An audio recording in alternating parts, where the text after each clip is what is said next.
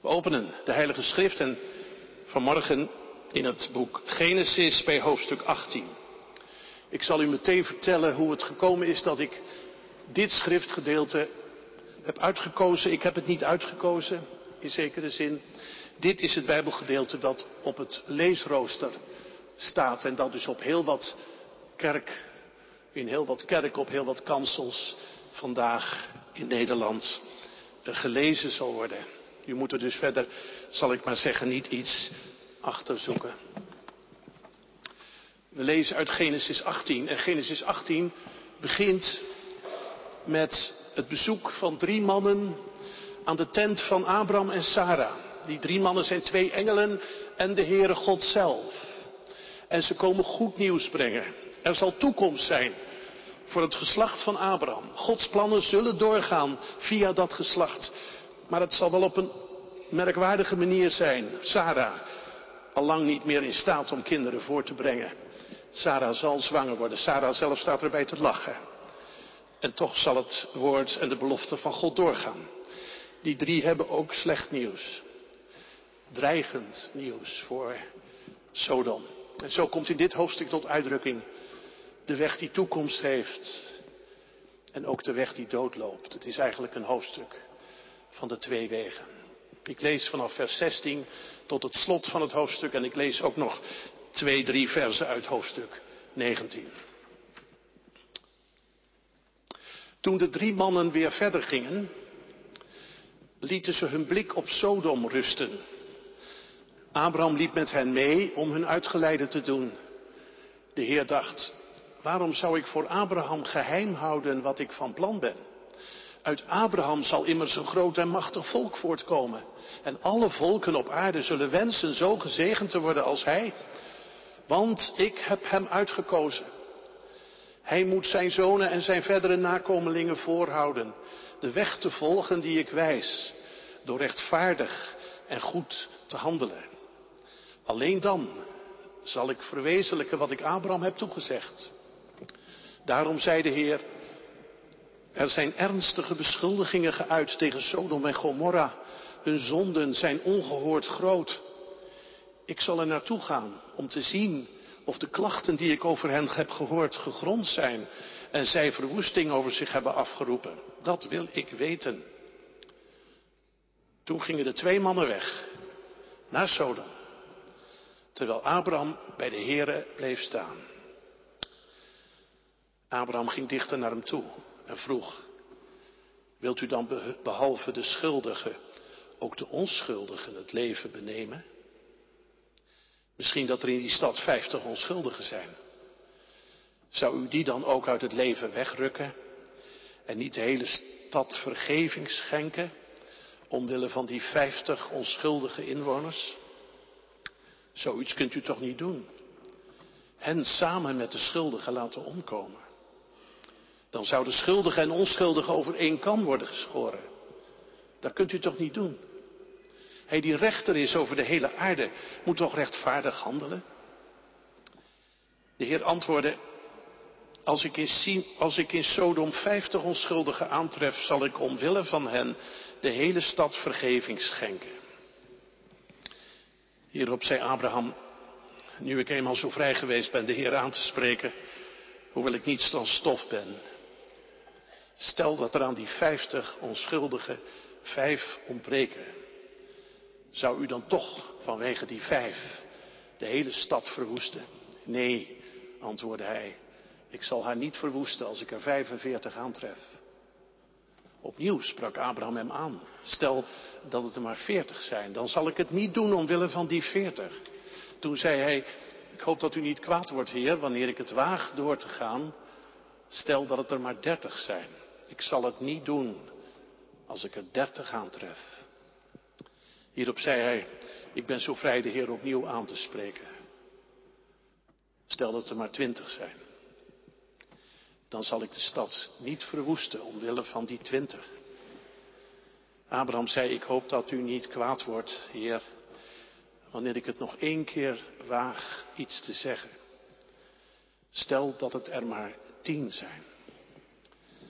Dan zal ik haar niet verwoesten omwille van die tien. Zodra de Heer zijn gesprek met Abraham had beëindigd, ging hij weg.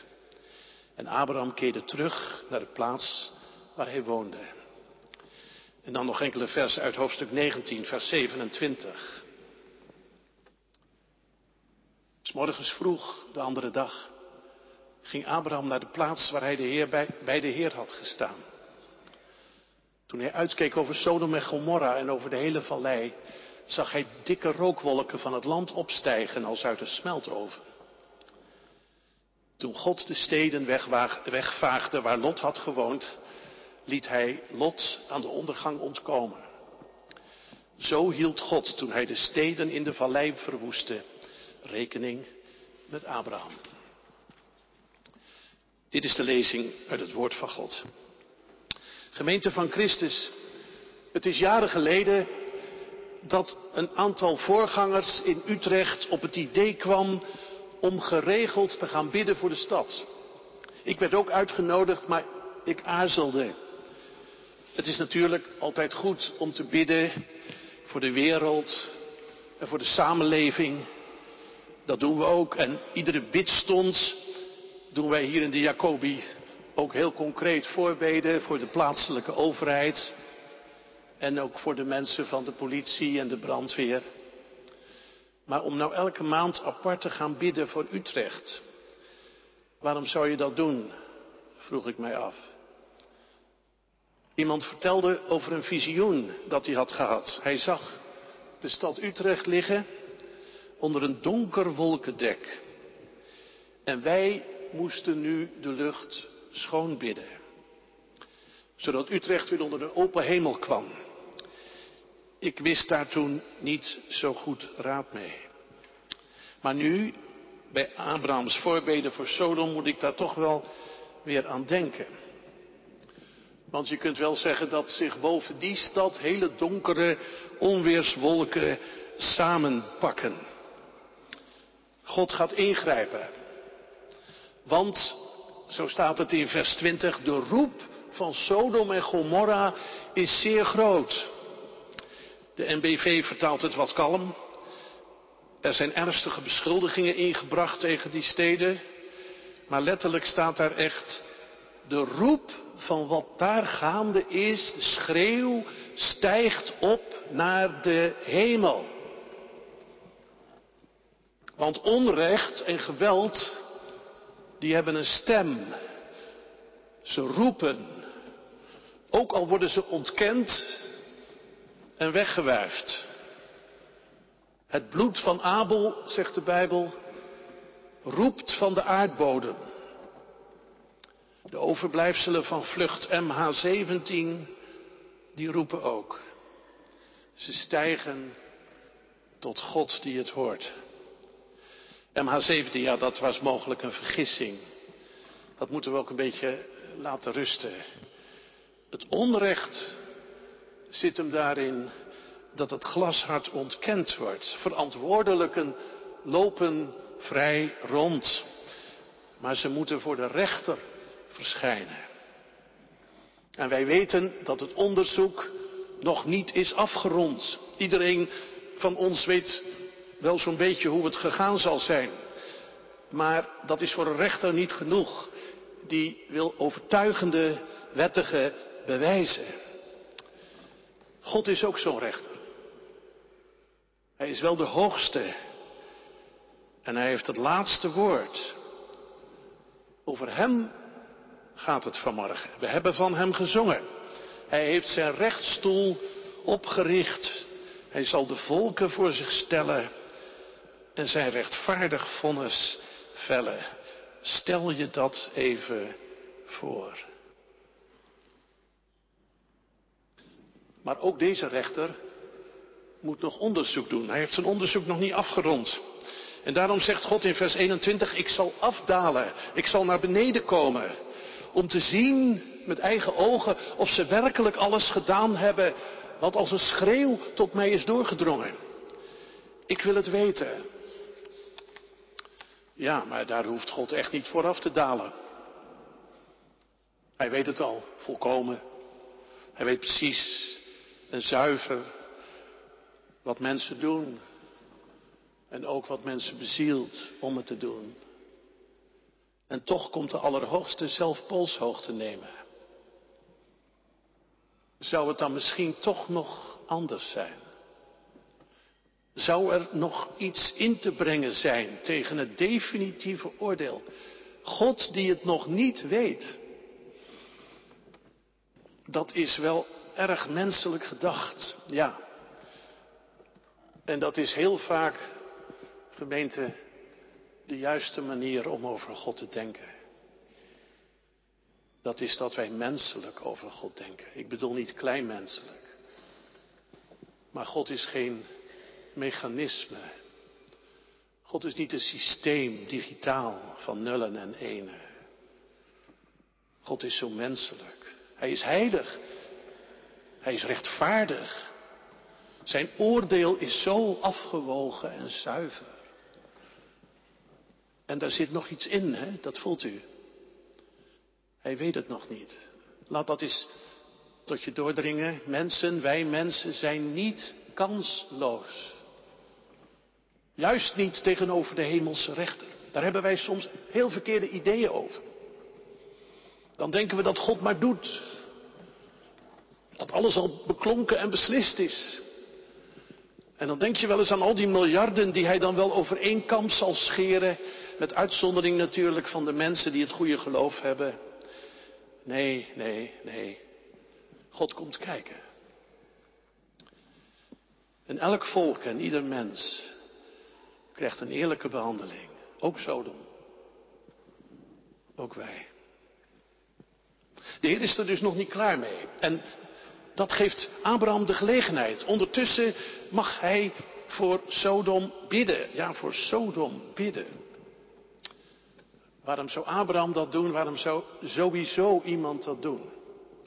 Wat wil hij daar eigenlijk mee bereiken? Ja, je zou natuurlijk kunnen denken aan zijn neef, Lot. Die is in Sodom destijds gaan wonen. En dat Abraham dus voor Sodom bidt om te vragen, laat mijn neef, mijn familie nou niet omkomen, o God. Maar dat is het niet. Ik denk dat Abraham gaat bidden om een andere reden. Hij wordt er eigenlijk min of meer toe uitgenodigd. Want de Heere God neemt Abraham in vertrouwen. En hij brengt hem op de hoogte van wat hij van plan is te gaan doen. Zal ik voor Abraham geheim houden wat ik van plan ben? Je zou het ook om kunnen draaien en zeggen, waarom moet God eigenlijk dat aan Abraham kwijt? Wat wil hij dan? Nou, Abraham moet dit weten. En via Abraham wij dus ook. Een mens hoeft niet alles te weten hoor. Ook heel veel plannen van God die gaan compleet boven onze hoofden uit. Maar dit wel, gek is dat. Waarom? Nou, dan zal er één zijn, Abraham, die iets weet van de overleggingen van God. En dan zal die ene Abraham getuige zijn hoe de rechter van de hele wereld oordeelt. Dan zal er één stem zijn die zegt dat God niet onrechtvaardig is. Als hij een eind maakt aan het kwade en als hij de kwaaddoeners wegvaagt. Abraham zal getuige zijn daarvan. Maar dat is nog niet alles. En dat is ook nog niet het allerbelangrijkste. De Heer zegt, ik heb hem uitgekozen, Abraham. Ik heb hem geroepen om tot een zegen te zijn voor alle volken. Dat alle volken zullen wensen zo gezegend te zijn als Abraham. Een zegen, Abraham. Voor alle volken. En hoe zal dat dan gaan? Nou, dan moet je aan je kinderen leren, zegt God, hoe ik ben. En dan doe je dat door te leven zoals ik het doe. Door mijn beeld, als het ware, te tonen aan de wereld. Door rechtvaardig en goed te handelen. Of zoals er letterlijk staat, door recht en gerechtigheid te doen. Dat is de roeping van Abraham. Te tonen wie God is. En vanwege die roeping wordt Abraham nu ingewijd in het oordeel van God. Wou je ook graag geroepen zijn? Denk je dat je dat bent door God? Wil je dan ook ingewijd worden in zijn oordeel? Dan gaat er toch wel een huiver door je heen. En wat kun je dan nog doen?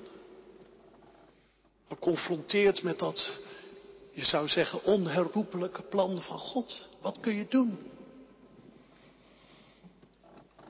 Twee van de drie, de twee engelen, zijn inmiddels vertrokken naar Sodom. Maar, zo lezen we, Abraham blijft nog even staan voor God. En zo staat het ook in de Hebreeuwse tekst. Abraham blijft staan voor God. Maar dat stond er oorspronkelijk niet. De schriftgeleerden die ons de tekst van, de, van het Oude Testament hebben overgeleverd, die hebben hier iets veranderd. Dat doen ze bijna nooit. Uitsluitend in grote eerbied maken ze een verandering. En ze hebben het in eerbied ook hier veranderd. Er stond namelijk, en dat lazen ze, de Heere bleef nog staan voor het aangezicht van Abraham. Dus God die als het ware nog even talmt. Alsof hij het nog niet weet. Dat kan niet, zeiden de rabbijnen, dat kan niet. Daar is God te groot en te heilig voor. We draaien het dus om. Maar ze hebben het wel zo omgedraaid dat je nog kan lezen wat de oorspronkelijke tekst is geweest. En nou denk ik, gemeente, dat toch die oorspronkelijke tekst de beste is. God die nog wacht op Abraham. En Abraham mag laten zien dat hij weet wie God is. Dat hij Gods vertrouweling is. Ja, en dan volgt dus dat ongelooflijke pleidooi voor Sodom. En daarin dingt Abraham af bij God. Net als een koopman op de markt. 50. 45. 40. 30. 20. Kunnen we nog 10 doen? Dan houdt het op. Als er tien rechtvaardigen daar zijn, zal ik het niet doen. Maar er zijn er geen tien. En als je leest in het volgende hoofdstuk hoe dat gaat, dan staat er echt dat alle mannen van die stad, zonder uitzondering, van de oudste tot de kleinste, zich lieten meeslepen door genot en geweld. Er is dus onder de inwoners van Sodom niet één rechtvaardige te vinden, niet één. De enige die nog net wegkomt, die is helemaal geen sodomiet, geen inwoner van die stad. Dat is een vreemdeling, Lot. Die ter nauwe nood met zijn vrouw en dochters wegkomt. Zo is het afgelopen.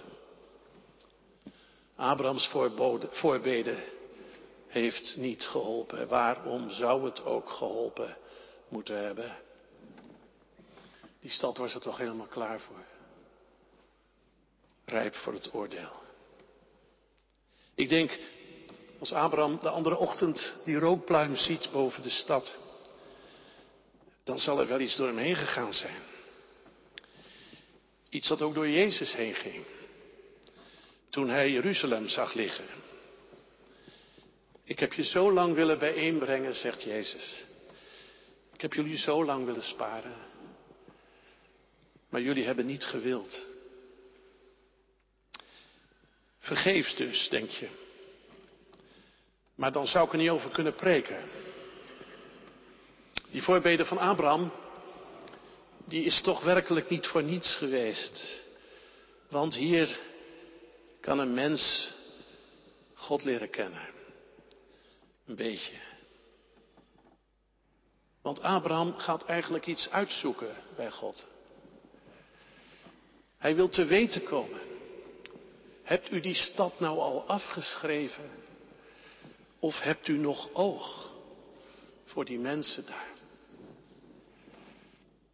Hebt u oog voor de stad die u denkt te gaan vernietigen? Als je nou iemand het oordeel aanzegt, ook als rechter, hè, dan moet je die aangeklaagde en te veroordelen mens ook aankijken. Als je wel eens kijkt naar zo'n rechtszitting, dan zie je dat ook.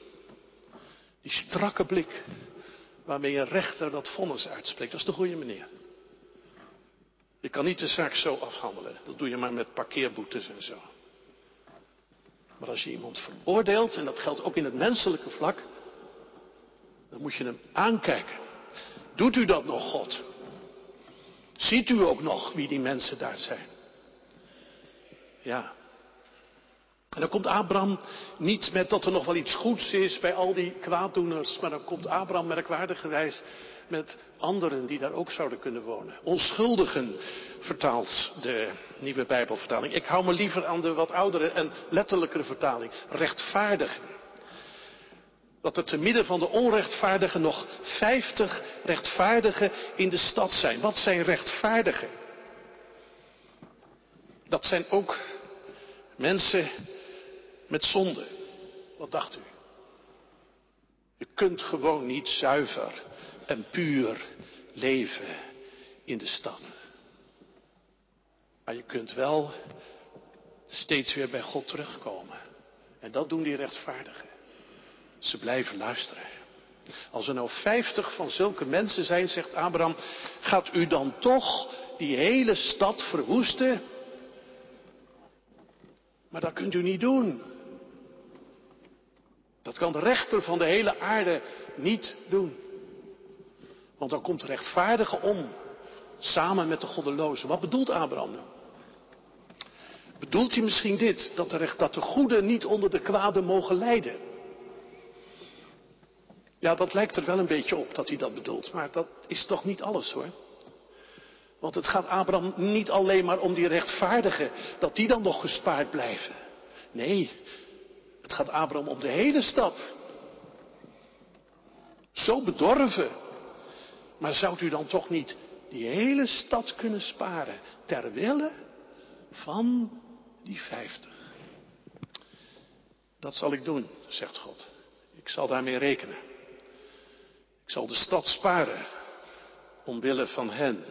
Maar, Heer, als ik zo vrij mag zijn. Stel je nou voor dat er vijf aan ontbreken. Mag dat ook?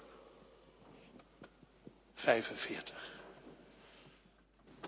Ik zal de stad niet verwoesten, zegt God. Als ik er 45 rechtvaardigen aantref. En 40 dan.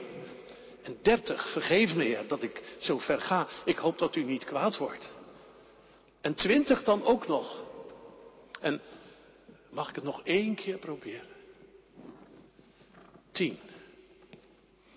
En God zegt, ik zal Sodom niet verwoesten als er tien zijn. En dan stopt het. Dat is de grens. Tien is het minimum. En je vraagt je af, waarom nou tien? Een Joodse uitlegger die zegt tien, dat is het aantal mannen in het Jodendom dat nodig is om een gemeente te kunnen vormen. Tien volwassen Joodse mannen heb je nodig. De minyan. En als die er niet zijn, dan gaat de synagoge dicht. Dan is er geen sprake meer van Joods leven in een stad of een dorp. Dan moet je het elders zoeken. Ik vind dat wel een acceptabele uitleg. Het gaat om een minimale gemeenschap die nog luistert en bidt. Abraham durft heel ver te gaan. En God gaat erin mee. Je zou ook kunnen zeggen, God heeft het uitgelokt bij Abraham. Om te laten zien hoe hij is in zijn oordeel. Want God oordeelt op het laatste moment. Hij wacht zo lang. Hij gaat zo ver. En een mens Net als wij, een mens van vlees en bloed. Een mens van stof en as. Die kan er nog invloed op hebben. Die kan er nog iets tegenover stellen. Al biddend leert Abraham God kennen. En dat is zo veelzeggend, het wordt steeds minder, niet waar? Hij gaat een weg naar steeds minder. En die weg naar steeds minder, dat is nou juist een weg die steeds dichter bij het hart van God komt. Bij wat zijn echte plan is. Niet om te verwoesten, maar om te zegenen. Hij wil Sodom nog sparen. God heeft oog voor Sodom. En hij zoekt naar die tien. Hij komt ervoor naar beneden. Die tien, hè? In de Bijbel lees je vaak over de rest. De rest die overblijft. En die rest, dat is nou juist het begin van waaruit God verder wil werken. En God let en wacht op die tien en hij wacht op hun gebed. Want zij zijn de reden, de pleitbezorgers in een ondergaande wereld, de reden voor God om het niet te doen. En in dit gebed ontdekt Abraham niet alleen wie God is, maar ook wat zijn eigen roeping is. Om een zegen te zijn voor de volken. Nou kom ik maar meteen bij ons. Hè. Wij zijn kinderen van Abraham. Dat zijn we. Dat waren we niet. Maar we zijn het door Jezus Christus. Door het geloof. Wij zijn de geroepen gemeente. Wij zijn echt niet de betere mensen. Wij zijn wel de bidders. De voorbidders. En aldoende, al biddende, ontdekken wij hopelijk hoe heilig God is. Hoe genadig is Hij is. Ik zeg er wel bij, je ontdekt het alleen biddend. Niet op een andere manier. God leer je biddende kennen. Heer, ik ben stof en as. Wat heb ik nou eigenlijk te zeggen tegen u? Wat kan ik bij u inbrengen? Maar ik kan niet stoppen. Want ik ben een geroepen mens. Moet je bidden voor de hele stad, hè? daar begon ik net mee. Nou, laten we zeggen, voor je hele omgeving. Voor je hele netwerk. Ook voor mensen die alleen maar grappen kunnen maken over Gods regels. En hoe slim zij daaraan ontkomen. Ook voor hen. En laten we eerlijk zijn. Wij zijn ook niet al te rechtvaardig. We zitten ook in dat schuitje. Maar wij bidden. Dat, het, dat God dat schuitje nog wil sparen. En dat hij de hele boel niet naar de bliksem laat gaan. Gaat dat gebeuren? Is Utrecht een soort Sodom? Nou, dat zijn we niet. Zo pessimistisch ben ik nou ook weer niet. Maar laat ik dan zeggen, zijn er donkere wolken boven de stad? Is er een oordeel van God? Volgens veel christenen eigenlijk niet. Niet in de praktijk. Ze geloven het ergens wel, ooit, vaag. Maar je moet toch hopen hè, dat er een oordeel is, of niet? Dat het onrecht er niet mee wegkomt. En dat het heil open blijft voor de armen. Dat moet je toch hopen. Is er een oordeel van God? Laat ik nou heel voorzichtig iets zeggen. Die warmte, die hitte van de afgelopen dagen, die greep ons wel bij de strot. Velen van ons, denk ik. En dat kan je ook aan het denken zetten. Je hoeft alleen maar televisie te kijken. Waar komt dat vandaan? Alweer dit jaar. Is het de natuur? Ja. Is het onze overdaad? Kan het zo doorgaan? Waar eindigt het? Daar kan je natuurlijk gewoon ook, laat ik zeggen, technisch naar kijken. En dat is ook heel belangrijk en heel goed en dat moet ook allemaal gebeuren. Maar je zou er ook wel eens verticaal naar kunnen kijken, denk ik. Misschien moet je daar iets mee met die hitte. Voor het aangezicht van God. Wil je dat? Wil je ook ingewijd worden in het oordeel van God? Weet je, als je met Abraham een voorbidder wil zijn en wil worden, dan ga je steeds meer onder de indruk komen van het geduld van God. Maar om iets zinnigs te kunnen zeggen over dat geduld van God moet je wel beseffen dat er een oordeel van God is. En dat dat oordeel misschien ook wel ligt op ons land, op deze stad en op deze wereld. Oordeel van God. Nee, niet dat Hij ons wegbliksemt. Of dat hij het al lang van plan is en het dus ook vast gaat doen. Juist niet. Maar dat hij ons spaart. Hoe lang nog? Nou, zeg je, als je nou zo voor bidden bent, dan word je wel somber. Helemaal niet. Helemaal niet. Dat heimelijke fatalisme waaraan we ons maar toevertrouwen. Daar word je eigenlijk diep somber van. Maar niet als je al biddende bij God komt. Want al biddende ontdek je dat God veel verder doorgaat en veel dieper doorgaat met deze wereld die zo verward is en die ook in zichzelf doldraait. En daar zijn wij getuigen van. Niet van de ondergang, maar van Gods geduld. Wij horen bij Jezus Christus. Hij is het hoofd van zijn gemeente. En die gemeente is geroepen om op aarde te doen wat Abraham ook deed. En hij, Jezus, weet wel hoe klein wij zijn. En dat we behoorlijk aan het aftellen zijn, van 50 naar 40 enzovoort. En Jezus weet ook zo goed wat voor twijfels er in aller hart zit. Of dat bidden van ons nog wel enig effect heeft. Ja. Abraham heeft het met God gewaagd en hij wint. Dus waag het bij God. Maar dan moet je wel met Jezus aankomen. En dan kun je zeggen, Heer, hier, hier zijn we. We zijn nog met z'n tienen of misschien nog met z'n dertigen. Maar hier zijn we. En wij gaan recht voor u staan en we zeggen, luister toch naar ons. En doe niet het hele zaakje weg, maar luister naar ons en kijk naar ons. En dan niet wie wij zijn op onszelf, maar kijk en luister naar ons via Jezus Christus. Want dat is die ene rechtvaardige. En dat is ons hoofd. En door Hem hebben wij inspraak bij God. In de naam van Jezus kun je pleiten voor zoveel die net als ik en jij de ondergang verdiend hebben. Maar toch.